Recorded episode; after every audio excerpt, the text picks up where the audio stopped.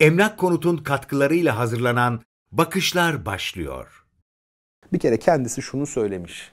Bizi şahsen tanımayanlar, hatta ve hatta sohbetlerimizde bulunmayanlar kitaplarımızı okumasınlar.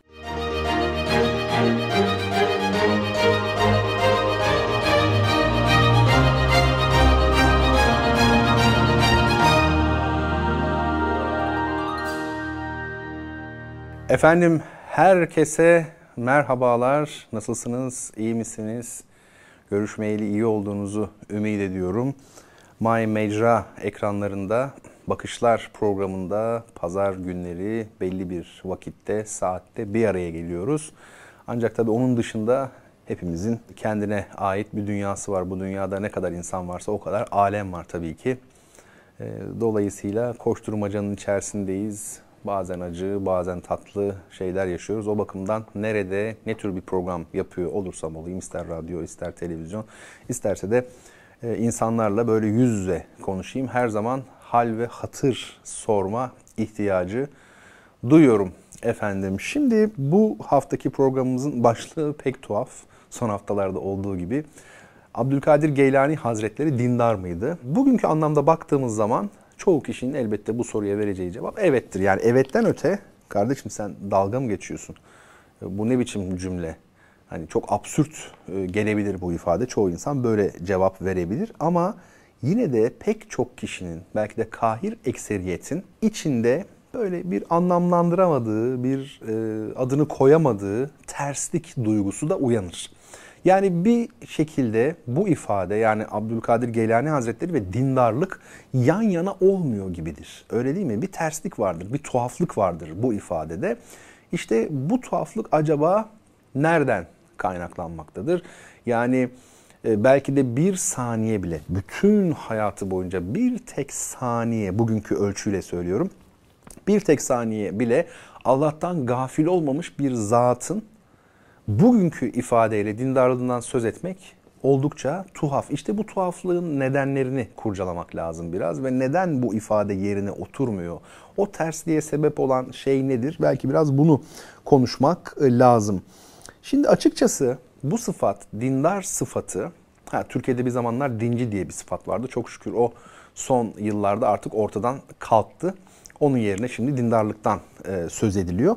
E, bu sıfat aslında hakikati ve hayatı dini ve la dini ya da bir başka deyişle dinsel ya da dinsel olmayan öyle diyelim çünkü böyle de yazıyor yer yer ya da efendime söyleyeyim yani dünyevi ve uhrevi ne derseniz deyin ikiye bölmenin sonucunda ortaya çıkmış bir sıfattır. Yani biz e, hakikati ve hayatı dini ve la dini olarak ya da işte efendim normal dünyevi ve profan ve tamamen dini olarak böldüğümüzde ancak dindarlıktan söz edebiliriz. Onun dışında söz etme gibi bir imkanımız yok. Yani modern zamanlarda neşu nema bulmuş, hayatımıza girmiş bir e, sıfat aslında. Şimdi modern dünyanın ekonomik yapısı ve üretim ilişkileri aslında bu ayrımı zorunlu kıldı. Biz aslında çok iyi biliyoruz bunu. Ne demek bu? İşte laiklik dediğimiz şey ne demektir en basit anlamıyla? Yani kitaplarda nasıl okuduk? İşte lisede falan din ve devlet işlerinin birbirinden ayrılması. İşte ben de zaten ne dedim? Hakikatin, hayatın e, iki şekilde değerlendirilmesi, ikiye bölünmesi. Şimdi modern e, zamanlarda bu üretim ilişkileri ön plana geçtiğinde aslında insanlara yani o sistemin sahiplerine ne lazımdı? Müşteri lazımdı. Müşterilerin de özgür olması lazımdı. Öyle bir dünya gerekiyordu. Yani dini yaşantı içerisinde o dünya yaşanamayacağı için bir e, sınır çizgisi çekildi. Buna da reformasyon dediler. Yani Katolizm aslında süpürüldü. Onun bir e, efendim e, uzun hikaye ama farklı bir versiyonu olan protestanlık yani tamamen kapitalizme aslında adapte olmuş bir anlayış olan protestanlık gündeme gelmiş oldu. Ama Avrupa'da din toplumsal hayattan, ekonomik hayattan tamamen çıkarıldı. Çıkarılması gerekiyordu. Buna mecburlardı. Çıkardılar ve böylelikle iki dünya oluşmuş oldu. Bir tarafta dini hayat, o kendi dünyasında istediğini yapsın ama kesinlikle ana atar damarlara yani bu sistemin nabzının attığı damarlara girmesin sakın. Onun dışında kendisi bir tür meczup gibi bir tür deli gibi, tuhaf hareketler yapan biri gibi bir kenarda istediğini yapabilir. Böyle bir ayrım söz konusu oldu. Ve tabii bu yaşantıyı yaşayan insanlara ne denildi? E çok dindar denildi. E denilir tabii çünkü sokakta o tür bir hayat olmadığı için bireysel olarak bunu yaşayan herkes dindar görünüyor. Çünkü öyle bir hayat e, yok.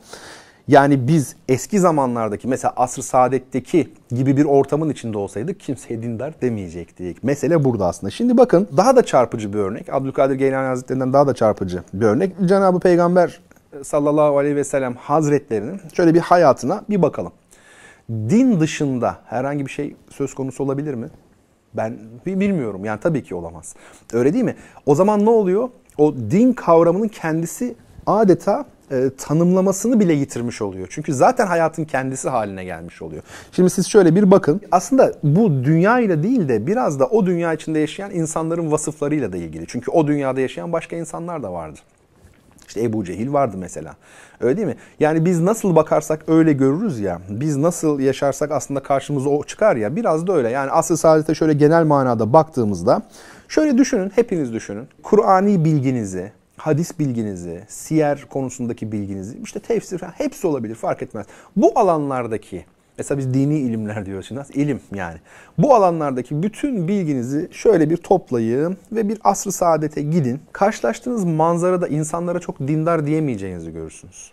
Yani çünkü onun dışında bir hayat yok zaten. Böyle bir e, bütünleşmiş, entegral bir hale gelmiş bir yapıdan bahsediyoruz. Şimdi o dönemde dediğim gibi e, kişiler öyle yaşıyorlardı. Hayat öyleydi. Aslında ekonomik sistem de öyleydi.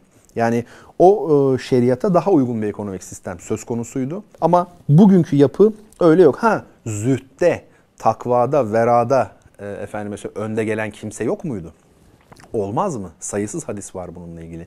Ve tabi sadece bu değil. Peygamberden bir sonraki kuşak mesela işte efendim e, tabiin arasında da işte efendim tasavvufun e, temellerini çok böyle derinlikli bir efendime söyleyeyim zühtle, takvayla, taatle e, oluşturan insanların bulunduğunu hep okuyoruz kitaplarımızdan. Öyle değil mi? Tamam bu ferdi olarak farklılıklar söz konusu olabilir ama genel manada baktığınızda en azından peygamberimiz ve onun yakın çevresine, çok yakın çevresine baktığınızda hayatın adeta dinle bir e, bütünleşme içerisinde olduğunu görüyoruz. Buradan da tabii Şeyhi Ekber'in yani Muhiddin Arabi Hazretlerinin o meşhur e, sözüne geliyoruz. Arif için din yoktur. Ne çok yanlış anlaşılmış bir sözdür değil mi? Yani arif için din yoktur ne demek? Sanki artık belli bir noktaya gelip de arif olduktan sonra dinin hükümleri ortadan kalkmaktadır. Teklif sanki ortadan kalkmış gibidir. Oysa ki yine peygamberimiz vefatına dek artık yani zaruret hali hariç ama vefatına dek e, efendime söyleyeyim bu şeylerin emirlerin hiçbirini terk etmemiştir mesela. Tabii ki bu burada e, Muhittin Arabi Hazretleri'nin kastettiği de bu değil. Arif için din yoktur. Çünkü bir şeye din demeniz için başka bir şeyin var olması gerekir. Arif için din zaten hayatın kendisidir. Yani e, fizik kuralları nasılsa din zaten yasa demek ya. Bu tür bir yasalar toplamı aslında. Yani hakikatin kendisi. E, bu açıdan baktığımız e, vakit bu sözün efendim böyle hurufilikte ya da bazı aşırı batıni ekollerde olduğu gibi e, çok yalnız, e, yanlış özür dilerim e, anlaşılması da aslında kabul edilebilir e, bir şey değil. Yani Muhittin Arabi'nin tabii ki pek çok e, sözü, e, pek çok eserinde geçen ifadeleri yanlış anlaşılmalara e, müsait. Bir kere kendisi şunu söylemiş. Bizi şahsen zaten tanımayanlar, hatta ve hatta sohbetlerimizde bulunmayanlar kitaplarımızı okumasınlar. Çünkü anlayamayız. E, tamam yani belli noktada ayağımız kaymayacaksa okuyalım. E, yine istifade edebildiğimiz kadar edelim. Yani bir umman var ortada. Biz de küçük böyle bir şeyle efendim bir kovayla gidelim falan tamam ama yani şunu unutmamak lazım. Yani temel ilmihal bilgilerinden e, uzak olan e, insanlar efendime söyleyeyim Muhittin Arabi öğreniyor yani. Şimdi inanılmaz derecede de popüler biliyorsunuz. Efendim satışı var. Yarın öbür gün yoga moga işleriyle de ilişkilendirilir. Biliyoruz bunların böyle olduğunu bu işlerin. E, dolayısıyla hal böyle değil. Çünkü orada bir de ıstılahlar var. Bildiğiniz gibi yani değil mi? Terimler var. Yani bir gün bir yazı okudum. Yani isim önemli değil. Benim de aklımda kalmamış zaten laf aramızda. Böyle koskocaman anlı şanlı adının başında profesör unvanı olan bir kişi. Benim kişilerle bir işim yok. Hiçbir zaman da olmadı. Yani burada meseleyi anlatmak istiyorum. İşte e, efendime söyleyeyim şeyin Abdülkadir Geylani Hazretlerinin bir eserini işte efendim yerden yere vuruyor. Efendim haşa yani şirk olduğunu söylüyor. Efendim burada diyor bir işte bu da çok moda oldu yani adam hakadmon yani Tevrat'tan alınmış bir e, kavramdır insanı kamil filan diyor falan şu anlatıyor anlatıyor anlatıyor şöyle böyle. Bende de eser vardı. Şöyle bir baktım. Çok da dikkatli olarak baktım yani çünkü normalde e, haddime de düşmemiş yani çok anlamak. Fakat orada geçen insan kelimesinin normal insanla hiçbir alakası olmadığını gördüm. Yani e, o kadar tanınmışlığı olan bir zatın hem de bir gazete köşesi gibi yani çok takip edilen bir yerde bu şekilde bir şey yazması aslında çok e, ciddi bir problem. Çünkü orada kastedilen insan değil, bildiğimiz insan değil, alemlerden bahsedilmiş, kainattan bahsedilmiş. İşte mesele bu yani ıstılahların kullanılması. Dolayısıyla bizler yani Muhyiddin Arabi Hazretleri gibi efendime söyleyeyim büyüklerin eserlerini şöyle bir e, incelemekle oradaki ilimleri alma şeyimiz yok, şansımız yok. Yani nasip olan biraz alabilir tabii ki. Çünkü bunlar başka boyutta şeyler aslında. E, Muhyiddin Arabi için söylüyorum. E, bir de tabii onlarda şöyle bir şey var. Zahirle batın arasında biz bir fark addediyoruz. Bize göre Zahir başka, batın başka. Bakışların ilk programlarından birinde bir üçgenden bahsetmiştim. Yani ilim ve e, iman demiştim. Yukarı doğru çıktıkça birleşir demiştim. Zahirle batın da böyledir. Ne kadar aşağıdaysak yani süfli bir durumdaysak, yani kendim için konuşayım, kimse için söylemeyeyim. O kadar uzak geliriz yani zahirle batın. Buna da ihtiyaç vardır. Bu da doğru bir şey, güzel bir şey tabii ki.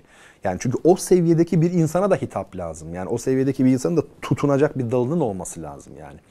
Değil mi? Ama yukarı doğru çıktıkça ne oluyor? Bu zahirle batın birleşiyor. İşte o zaman e, çoğu insana böyle bir masal, e, tuhaf, komik hatta günümüz insanında hiç inanılmayacak bir e, efendim saçmalık olarak görünen bazı hikayeler e, gerçek anlamına kavuşmuş oluyor belki de. Yani şimdi orada efendim e, Muhittin Arabi Hazretleri işte talebeleriyle, talebeyle yürürken yolda bir işte köpeğe tesadüf ediyorlar. Efendime söyleyeyim Hazret duruyor, e, köpekle birbirlerine bakıyorlar bir süre.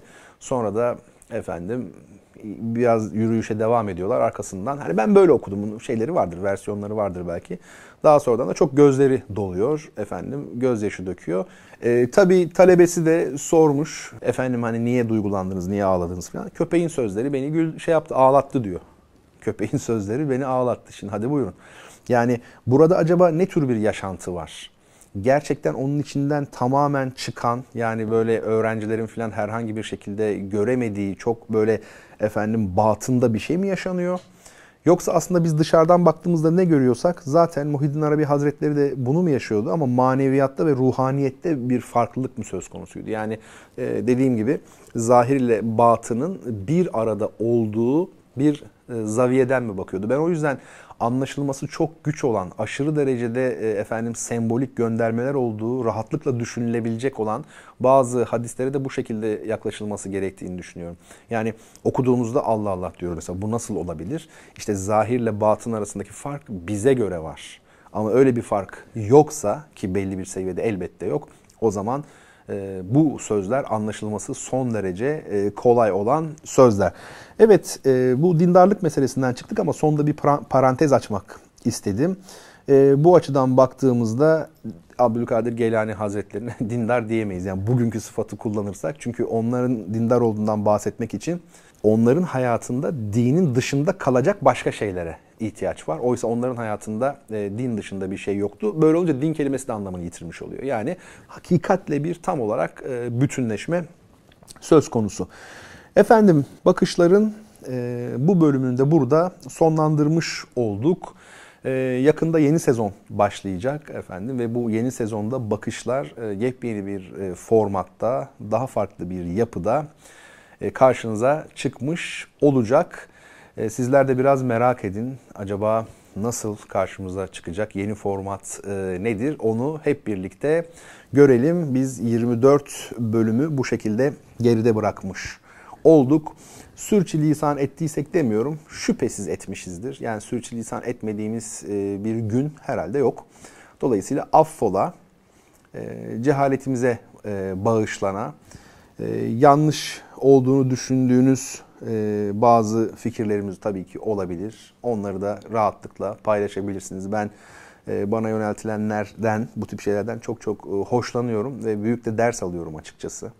E, takipçilerimin, okurlarımın, izleyicilerimin, dinleyicilerimin e, söyledikleri bazen o kadar böyle çarpıcı olabiliyor ki ya ben bunu hiç düşünmemiştim diyorum. Yerli yerinde onu kullanıyorum mesela onu da itiraf edeyim.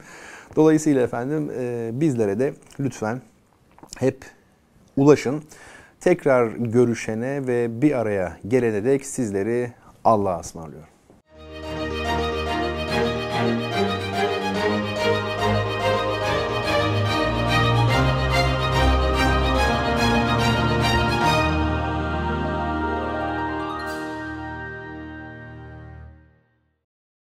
Emlak Konut'un katkılarıyla hazırlanan Bakışlar sona erdi.